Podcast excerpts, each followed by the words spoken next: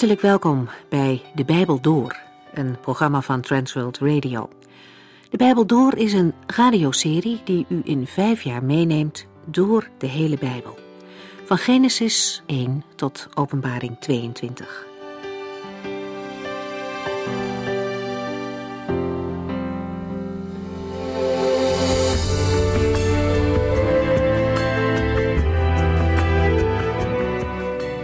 Mocht u meer willen weten over deze serie of een aflevering hebben gemist, kijkt u dan op internet op transworldradio.nl. Bellen kan natuurlijk ook 0342 478432. En in deze serie verdiepen we ons momenteel in het boek Nehemia. Een man vol godsvertrouwen en een harde werker. Hij was zo bezig om een veilige woonplaats voor Gods volk in Jeruzalem te maken, dat hij een tijd lang dag en nacht niet uit de kleren kwam. Nehemia maakte zich dus niet makkelijk van het werk van God af. Hij zette er haast achter. In hoofdstuk 4 zagen we al verschillende momenten waarop hij het bijltje erbij neer had kunnen gooien, maar Nehemia deed dat niet. Hij sterkte zich steeds opnieuw in zijn God en nam de nodige maatregelen. Als de vijanden merken dat hun bespottingen en het uitlachen van Nehemia en zijn mensen geen effect heeft, wordt de vijandschap grimmiger. Het aantal vijanden neemt ook toe. Sanballat komt opnieuw tevoorschijn. Hij maakt de Joden belachelijk bij zijn vrienden en het Samaritaanse leger. Met retorische vragen laat hij merken dat de bouwers geen vakmensen zijn en verkeerd materiaal gebruiken. Kortom, dat het helemaal niks kan worden. Nehemia reageert op de spot door te bidden. En de mensen werken door. Ze hebben er zin in. Weet u, gebed is een sterk wapen in geestelijke strijd. Het helpt om de problemen in het licht van God te zien. Als de muur halverwege is, neemt de dreiging van een aanval op Jeruzalem toe. Nehemia bidt en zet wachtposten uit. Wachters zijn belangrijk. Zij zien het gevaar aankomen. Ook in onze tijd moeten we alert blijven op datgene wat het geloof bedreigt en dat niet binnenlaten in de gemeente of in ons persoonlijk leven. En dan volgt er nog een heel ander probleem: ontmoediging. Het werk is zoveel en de puinhopen zijn groot. En vermoeidheid leidt ertoe dat mensen de moed verliezen en denken dat het nooit zal gaan lukken. Nehemia gaat daar niet in mee. Hij bemoedigt de mensen om hem heen en hij roept hen op om aan de Here te denken en ter wille van de gezinnen en Gods volk de moed niet op te geven. Het resultaat is dat de vijand uiteindelijk moet erkennen dat God met zijn volk is. En Nehemia en zijn mensen kunnen verder werken.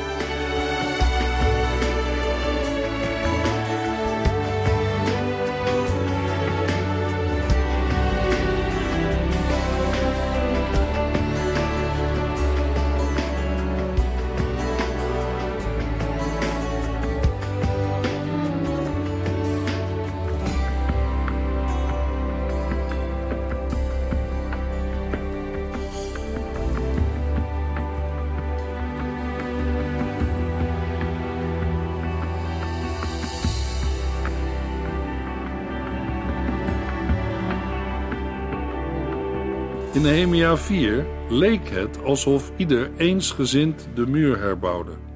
Maar tijdens de bouw komen er onderliggende spanningen aan het licht, zodat Nehemia niet alleen met vijandschap van buitenaf, maar ook met interne problemen te maken heeft. Er wordt in Nehemia 5 geen duidelijke tijdsbepaling gegeven, maar gezien de plaatsing van het hoofdstuk valt het te verwachten dat dit tijdens de herbouw van de muur moet hebben plaatsgevonden. De onderliggende problemen van belastingdruk en verschillen tussen rijken en armen zullen er ook op andere momenten zijn geweest.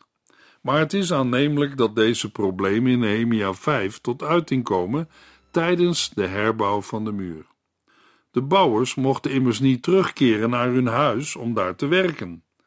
Bovendien waren de Judeërs geïsoleerd door de vijandschap rondom, zodat er geen handel meer gedreven kon worden.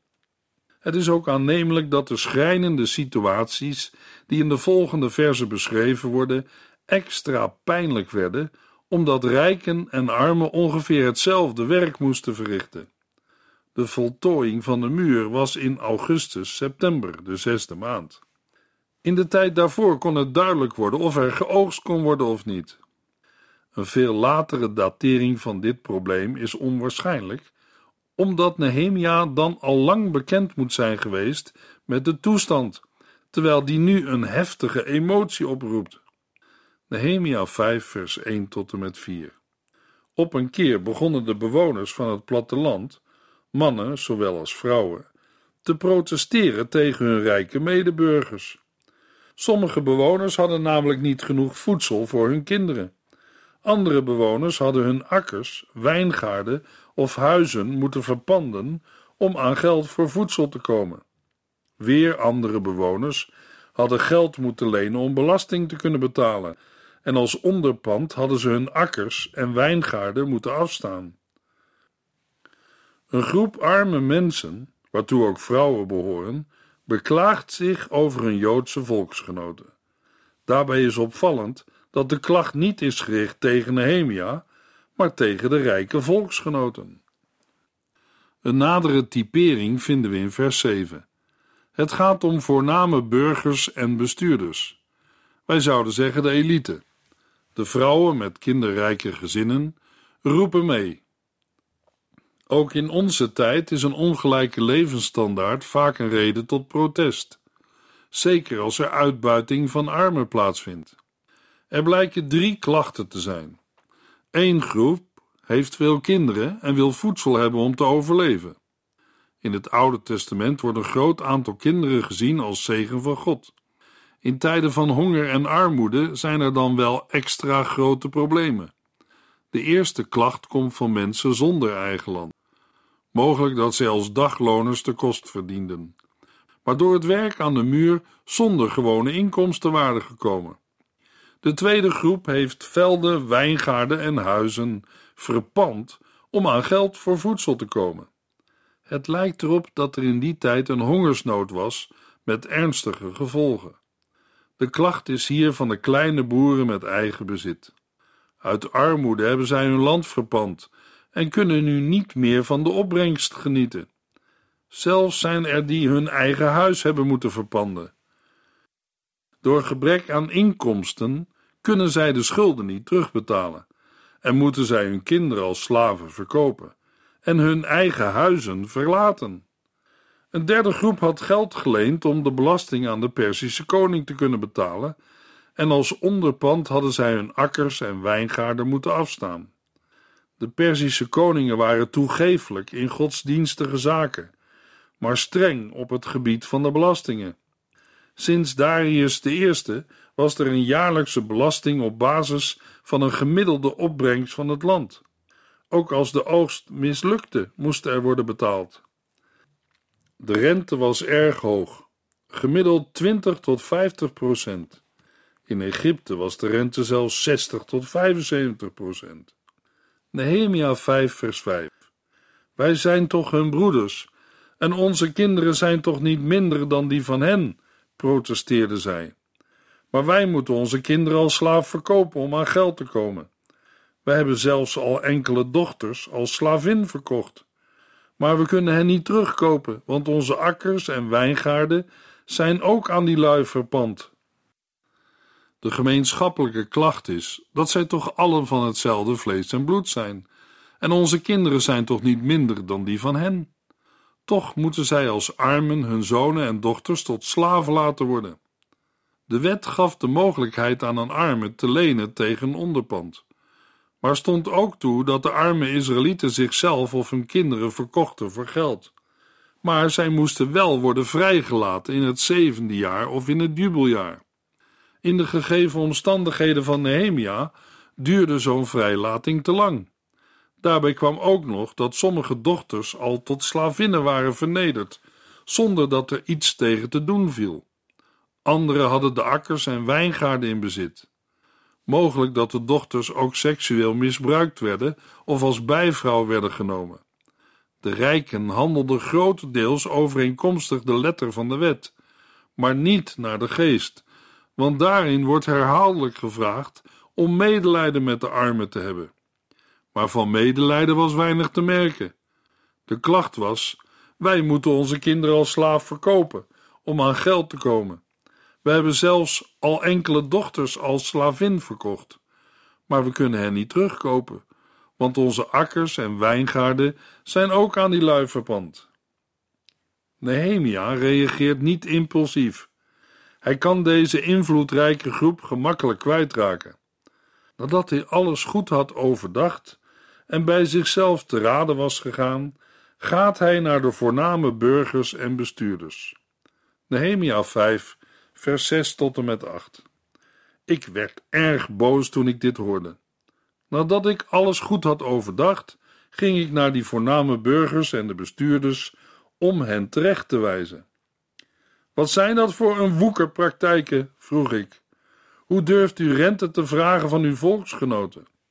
Ik liet de zaak in het openbaar voorkomen. En tijdens de rechtszitting zei ik: Voor zover we konden, hebben we onze broeders die aan vreemden verkocht waren losgekocht. Maar nu dwingt u hen opnieuw slaaf te worden. Hoe vaak moeten wij hen nog loskopen? De beklaagden wisten niets tot hun verdediging te zeggen. Nehemia wordt erg boos en beschuldigt de voorname burgers en de bestuurders van het nemen van rente of een onderpand van hun volksgenoten. Het nemen van rente van een volksgenoot is niet geoorloofd. Het nemen van een onderpand wel, maar de mate waarin dit nu gebeurde ging in tegen de geest van de wet. Het uitlenen zelf is het probleem niet, want volgens vers 10 deed Nehemia dit zelf ook. In het Nieuwe Testament wordt in Jacobus 2 vers 1 gezegd: Broeders en zusters, nu u gelooft in Jezus Christus, onze glorierijke Heer, moet u geen onderscheid meer maken tussen rijk en arm. Waarom niet? Jacobus geeft twee redenen. De eerste is: mensen moeten niet op hun uiterlijk worden beoordeeld, want dan laat een mens zich leiden door verkeerde maatstaven. De tweede reden is: God heeft de armen uitgekozen om rijk in het geloof te zijn. Hoe kunt u dan een arme man met minachting behandelen? In vers 9 sluit Jacobus zijn onderwijs over rijk en arm af met de woorden: Als de rijken bij u voorgetrokken worden, overtreedt u de wet van God, dan zondigt u. Niet alleen Nehemia moet erop toezien dat alles in Israël gebeurt volgens het voorschrift van de Heere, maar dat is ook vandaag nog steeds een verantwoordelijkheid van gelovigen. In Filippenzen 1 vers 27 en 28 zegt Paulus tegen de gelovigen: Maar let erop dat u zich altijd in overeenstemming met de goede boodschap van Christus gedraagt. Laat ik altijd goede berichten over u mogen horen, of ik u nu terugzie of niet. Wees een van hart en ziel en zet u volledig in voor het geloof en het goede nieuws. En laat u daarbij in geen enkel opzicht schrik aanjagen door uw tegenstanders. Dat zal hun dan duidelijk maken dat zij verloren gaan. Maar voor u zal het een duidelijk teken van God zijn dat Hij u heeft verlost. Nog even terug naar de brief van de apostel Jacobus. Hij schrijft in Jacobus 3, vers 16: Waar jaloezie en eigen belang zijn, vindt u ook wanorde en meer van dat kwaad. Ja, helaas gebeurt dat ook in de kerk. Denk aan Handelingen 5, de geschiedenis van Ananias en Safira. En daarna is het nog vele malen meer gebeurd. In Nehemia's dagen hadden sommige Joden geld geleend. Toen zij dat niet terug konden betalen, moesten zij hun zonen en dochters als slaven verkopen.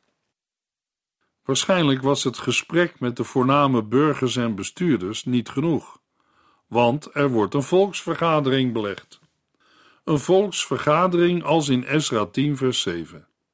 Door deze bijeenkomst te beleggen, schaart Nehemia zich aan de kant van de klagers. Daarop geeft Nehemia aan dat hij en de andere Joden in ballingschap zoveel mogelijk Joden hadden vrijgekocht. Maar door de praktijken die nu aan de orde zijn, moeten er steeds meer mensen worden vrijgekocht. De beschuldigden weten hier niets tegen in te brengen. Nehemia 5, vers 9. Toen vervolgde ik: Wat u doet is niet goed. U moet eerbied hebben voor God. Wat zullen onze heidense vijanden van ons zeggen? Nehemia geeft aan dat ze niet goed handelen. Het is belangrijk om in ontzag voor God te leven, om de vijanden geen reden voor hoon te geven. De levensstijl van een gelovige is een getuigenis naar anderen. Nehemia 5 vers 10 Ook wij, mijn broeders en ik, hebben deze mensen geld en voedsel geleend. Laten wij hun die schuld kwijtschelden. Nehemia geeft zelf het goede voorbeeld. Hij zelf, zijn broers en dienaren hebben geld en voedsel te leen gegeven. Zij gaan nu die schuld, of het bijbehorende onderpand, kwijtschelden. Dit lenen betekent dat Nehemia en zijn broers behoorden tot de rijke landeigenaars in Juda, zoals ook blijkt uit vers 14 tot en met 18.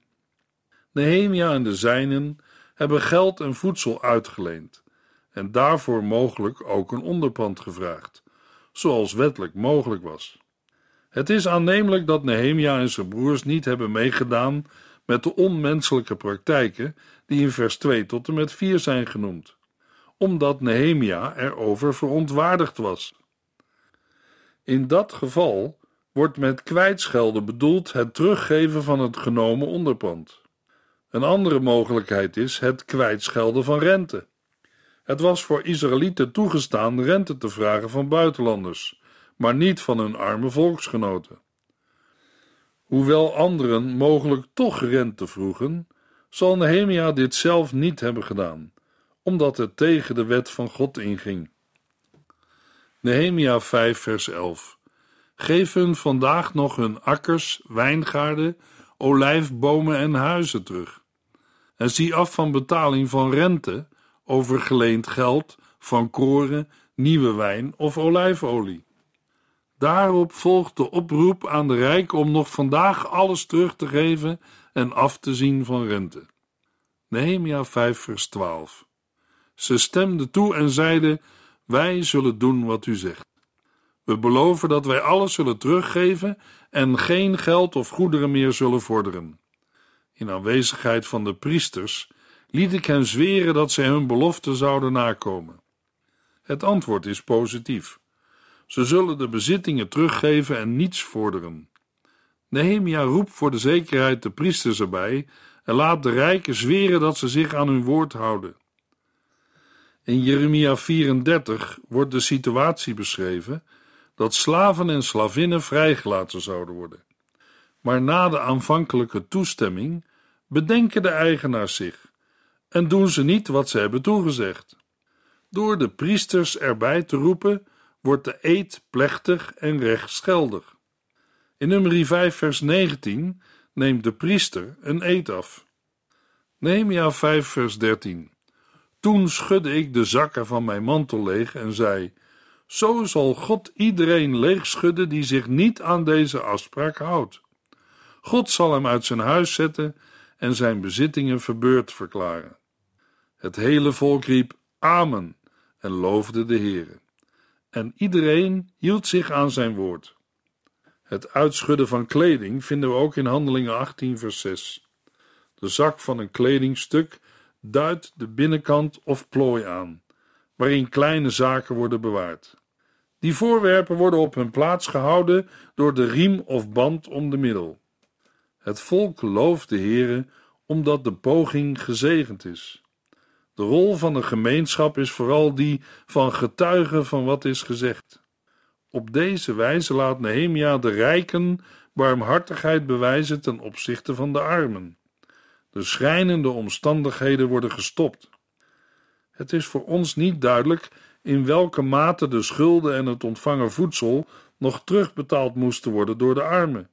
Maar in ieder geval is een beweging in gang gezet om als broeders elkaar te ondersteunen en niet uit te buiten. Daarmee werd recht gedaan aan de strekking van de wet van Mozes. Naar aanleiding van dit conflict blikt Nehemia terug op een periode van twaalf jaar, waarin hij landvoogd over het land Juda Jehud was, van het twintigste tot het 32ste regeringsjaar van Artaxerxes. Nehemia 5 vers 14 en 15 ik, Nehemia, zou verder willen vermelden dat ik twaalf jaar gouverneur van Juda ben geweest. Mijn ambtsperiode liep van het twintigste tot het 32e regeringsjaar van koning Artaxerxes. En al die tijd accepteerden mijn broers en ik geen enkele vorm van salaris van het volk Israël. Degene echter die voor mij gouverneur waren, legden het volk zware last op. Zij eisten dagelijks voedsel en wijn en een bedrag aan geld ter waarde van bijna een halve kilo zilver. Zelfs hun dienaren gedroegen zich als heer en meester over het volk. Maar uit eerbied voor en gehoorzaamheid aan God heb ik zoiets nooit gedaan. In vers 14 wordt voor het eerst de benoeming van Nehemia tot gouverneur of landvoogd vermeld. Dat was in Nehemia 2 vers 6 nog niet gebeurd. Het enorme Perzische Rijk, vanaf Thracië tot India, werd door Darius I in een twintigtal satrapieën ingedeeld. Een satrapie is een provincie of een belastingtechnische eenheid onder leiding van een satraap. Het woord satraap of satrapie is ontleend aan een Persisch woord dat beschermer van het koninkrijk betekent. De Griekse schrijver Herodotus bespreekt twintig gouvernementen, waarvan hij zegt dat de Perzen deze satrapieën noemen. Het woord satrapie kan allerlei betekenissen hebben en Herodotus heeft uiteraard latere politieke verschuivingen niet meegemaakt. Mogelijk groeide het aantal satrapieën doordat goed georganiseerde regio's de status van satrapie verwierven. Juda behoorde tot de satrapie over de rivier of Trans-Eufraat, het gebied tussen de Eufraat en de Middellandse Zee.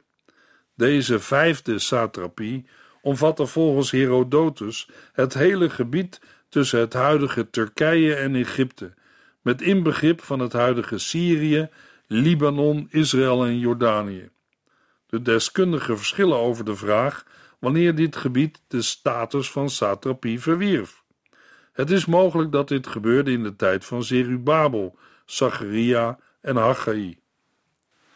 Als dit zo is, liggen er ook politieke motieven ten grondslag aan de herbouw van de tempel en van Jeruzalem, omdat dit de status van Jeruzalem binnen de vijfde satrapie sterk opwaardeerde. Verwarrend is dat zowel de meer lokale gouverneur als de daarbovenstaande satraap kan worden aangeduid met het Hebreeuwse woord voor gouverneur of landvoogd. Zo wordt Tatanai gouverneur genoemd van Trans-Eufraat. Ezra, maar ook Ses Bazar, Serubabel en later Nehemia waren gouverneurs, en wel van een deelgebied binnen Trans-Eufraat. Nehemia is in het twintigste jaar van Artaxerxes vertrokken. Na twaalf jaar keerde hij terug, in het 32ste jaar van de koning. Maar na verloop van tijd vroeg hij weer toestemming om naar Jeruzalem terug te mogen keren. Nehemia had als gouverneur recht op inkomsten uit belastingen, maar hij maakt daar geen gebruik van. We kunnen het vergelijken met een andere dienstknecht van de Heer in het Nieuwe Testament, Paulus. Ook hij ziet af van inkomsten voor levensonderhoud vanuit de verschillende christelijke gemeenten. Vroegere gouverneurs legden het volk zware last op, en hun dienaren gedroegen zich als heer en meester over het volk. Nehemia zelf deed dit niet, uit ontzag voor de heren. Ook in deze dingen was Nehemia een voorbeeld. Nehemia 5 vers 16 Ik werkte eveneens aan de herbouw van de stadsmuur, zonder er rijker van te worden. Ook van mijn dienaren verlangde ik dat zij de handen uit de mouwen staken. Nehemia werkte zelf ook mee aan de herbouw van de stadsmuur. Nehemia is daar niet rijker van geworden. Hij kocht geen land, ook niet als onderpand. Uit Jesaja 5 vers 8 en Micha 2 vers 2 blijkt dat het tegenovergestelde ook gebeurde in Israël. Nehemia 5 vers 17 En dat terwijl ik regelmatig 150 Judese leiders te eten had, naast alle bezoekers uit de ons omringende volken. De maaltijden zullen behoord hebben bij de positie van een Judese leider, als een vorm van salaris. Daarnaast was er regelmatig bezoek van diplomaten uit het Perzische Rijk. Nehemia 5 vers 18 Elke dag waren één rund, zes vette schapen en allerlei gevogelte nodig voor de maaltijd. Om de tien dagen moest mijn uitgebreide voorraad wijn worden aangevuld. Toch weigerde ik als gouverneur een bijdrage van het volk te vragen, want het maakte al een moeilijke tijd door. De hoeveelheid eten is uiteraard minder dan bij Salomo het geval was, maar is wel indrukwekkend als persoonlijke uitgave. Nehemia en zijn familie moeten zeer rijk zijn geweest om dit alles te kunnen betalen. De aanduiding moeilijke tijd wijst niet naar het vele werk dat aan de muur moest gebeuren, maar naar de zware belastingdruk van de Perzen. We lezen in het verootmoedigingsgebed van de Israëlieten in Nehemia 9, vers 36 en 37. Nu wonen wij als slaven in dit land, vol overvloed, dat u onze voorouders hebt gegeven, als slaven te midden van rijkdom. De overvloedige opbrengst van het land gaat naar de koningen, die u over ons laat heersen als straf voor onze zonden. Zij kunnen vrij beschikken over ons lichaam en ons vee en mogen met ons doen wat zij willen. Daarom voelen wij ons ellendig. In het licht van vers 15, waar Nehemia zegt: Maar uit eerbied voor en gehoorzaamheid aan God heb ik zoiets nooit gedaan, wordt het voorbeeld van Nehemia nog groter en rijker. Zijn hart was vol liefde voor zijn landgenoten en het volk van de Heere. Nehemia 5 vers 19 Nehemia bidt, o mijn God, vergeet niet wat ik allemaal voor dit volk heb gedaan en zegen mij ervoor. De vorige gebeden vormden een onderdeel van de gebeurtenissen die werden beschreven, maar dit gebed is bij het opschrijven toegevoegd. Gunst van de Heere kan niet gekocht worden door goede daden, maar Nehemia bidt dat de Heere hem zegent vanwege zijn werk en zelfopoffering zoals ook blijkt uit soortgelijke gebeden in Nehemia 13. Het is geen trotse opsomming als van de Fariseer in Lucas 18, maar een nederig en vertrouwend vragen van een kind van God, zoals in Psalm 26. In het Nieuwe Testament geeft de heiland het grote voorbeeld. In de navolging van hem worden al zijn volgelingen opgeroepen goed te doen aan allen en met name aan de medegelovigen. In de volgende uitzending lezen we Nehemia 6.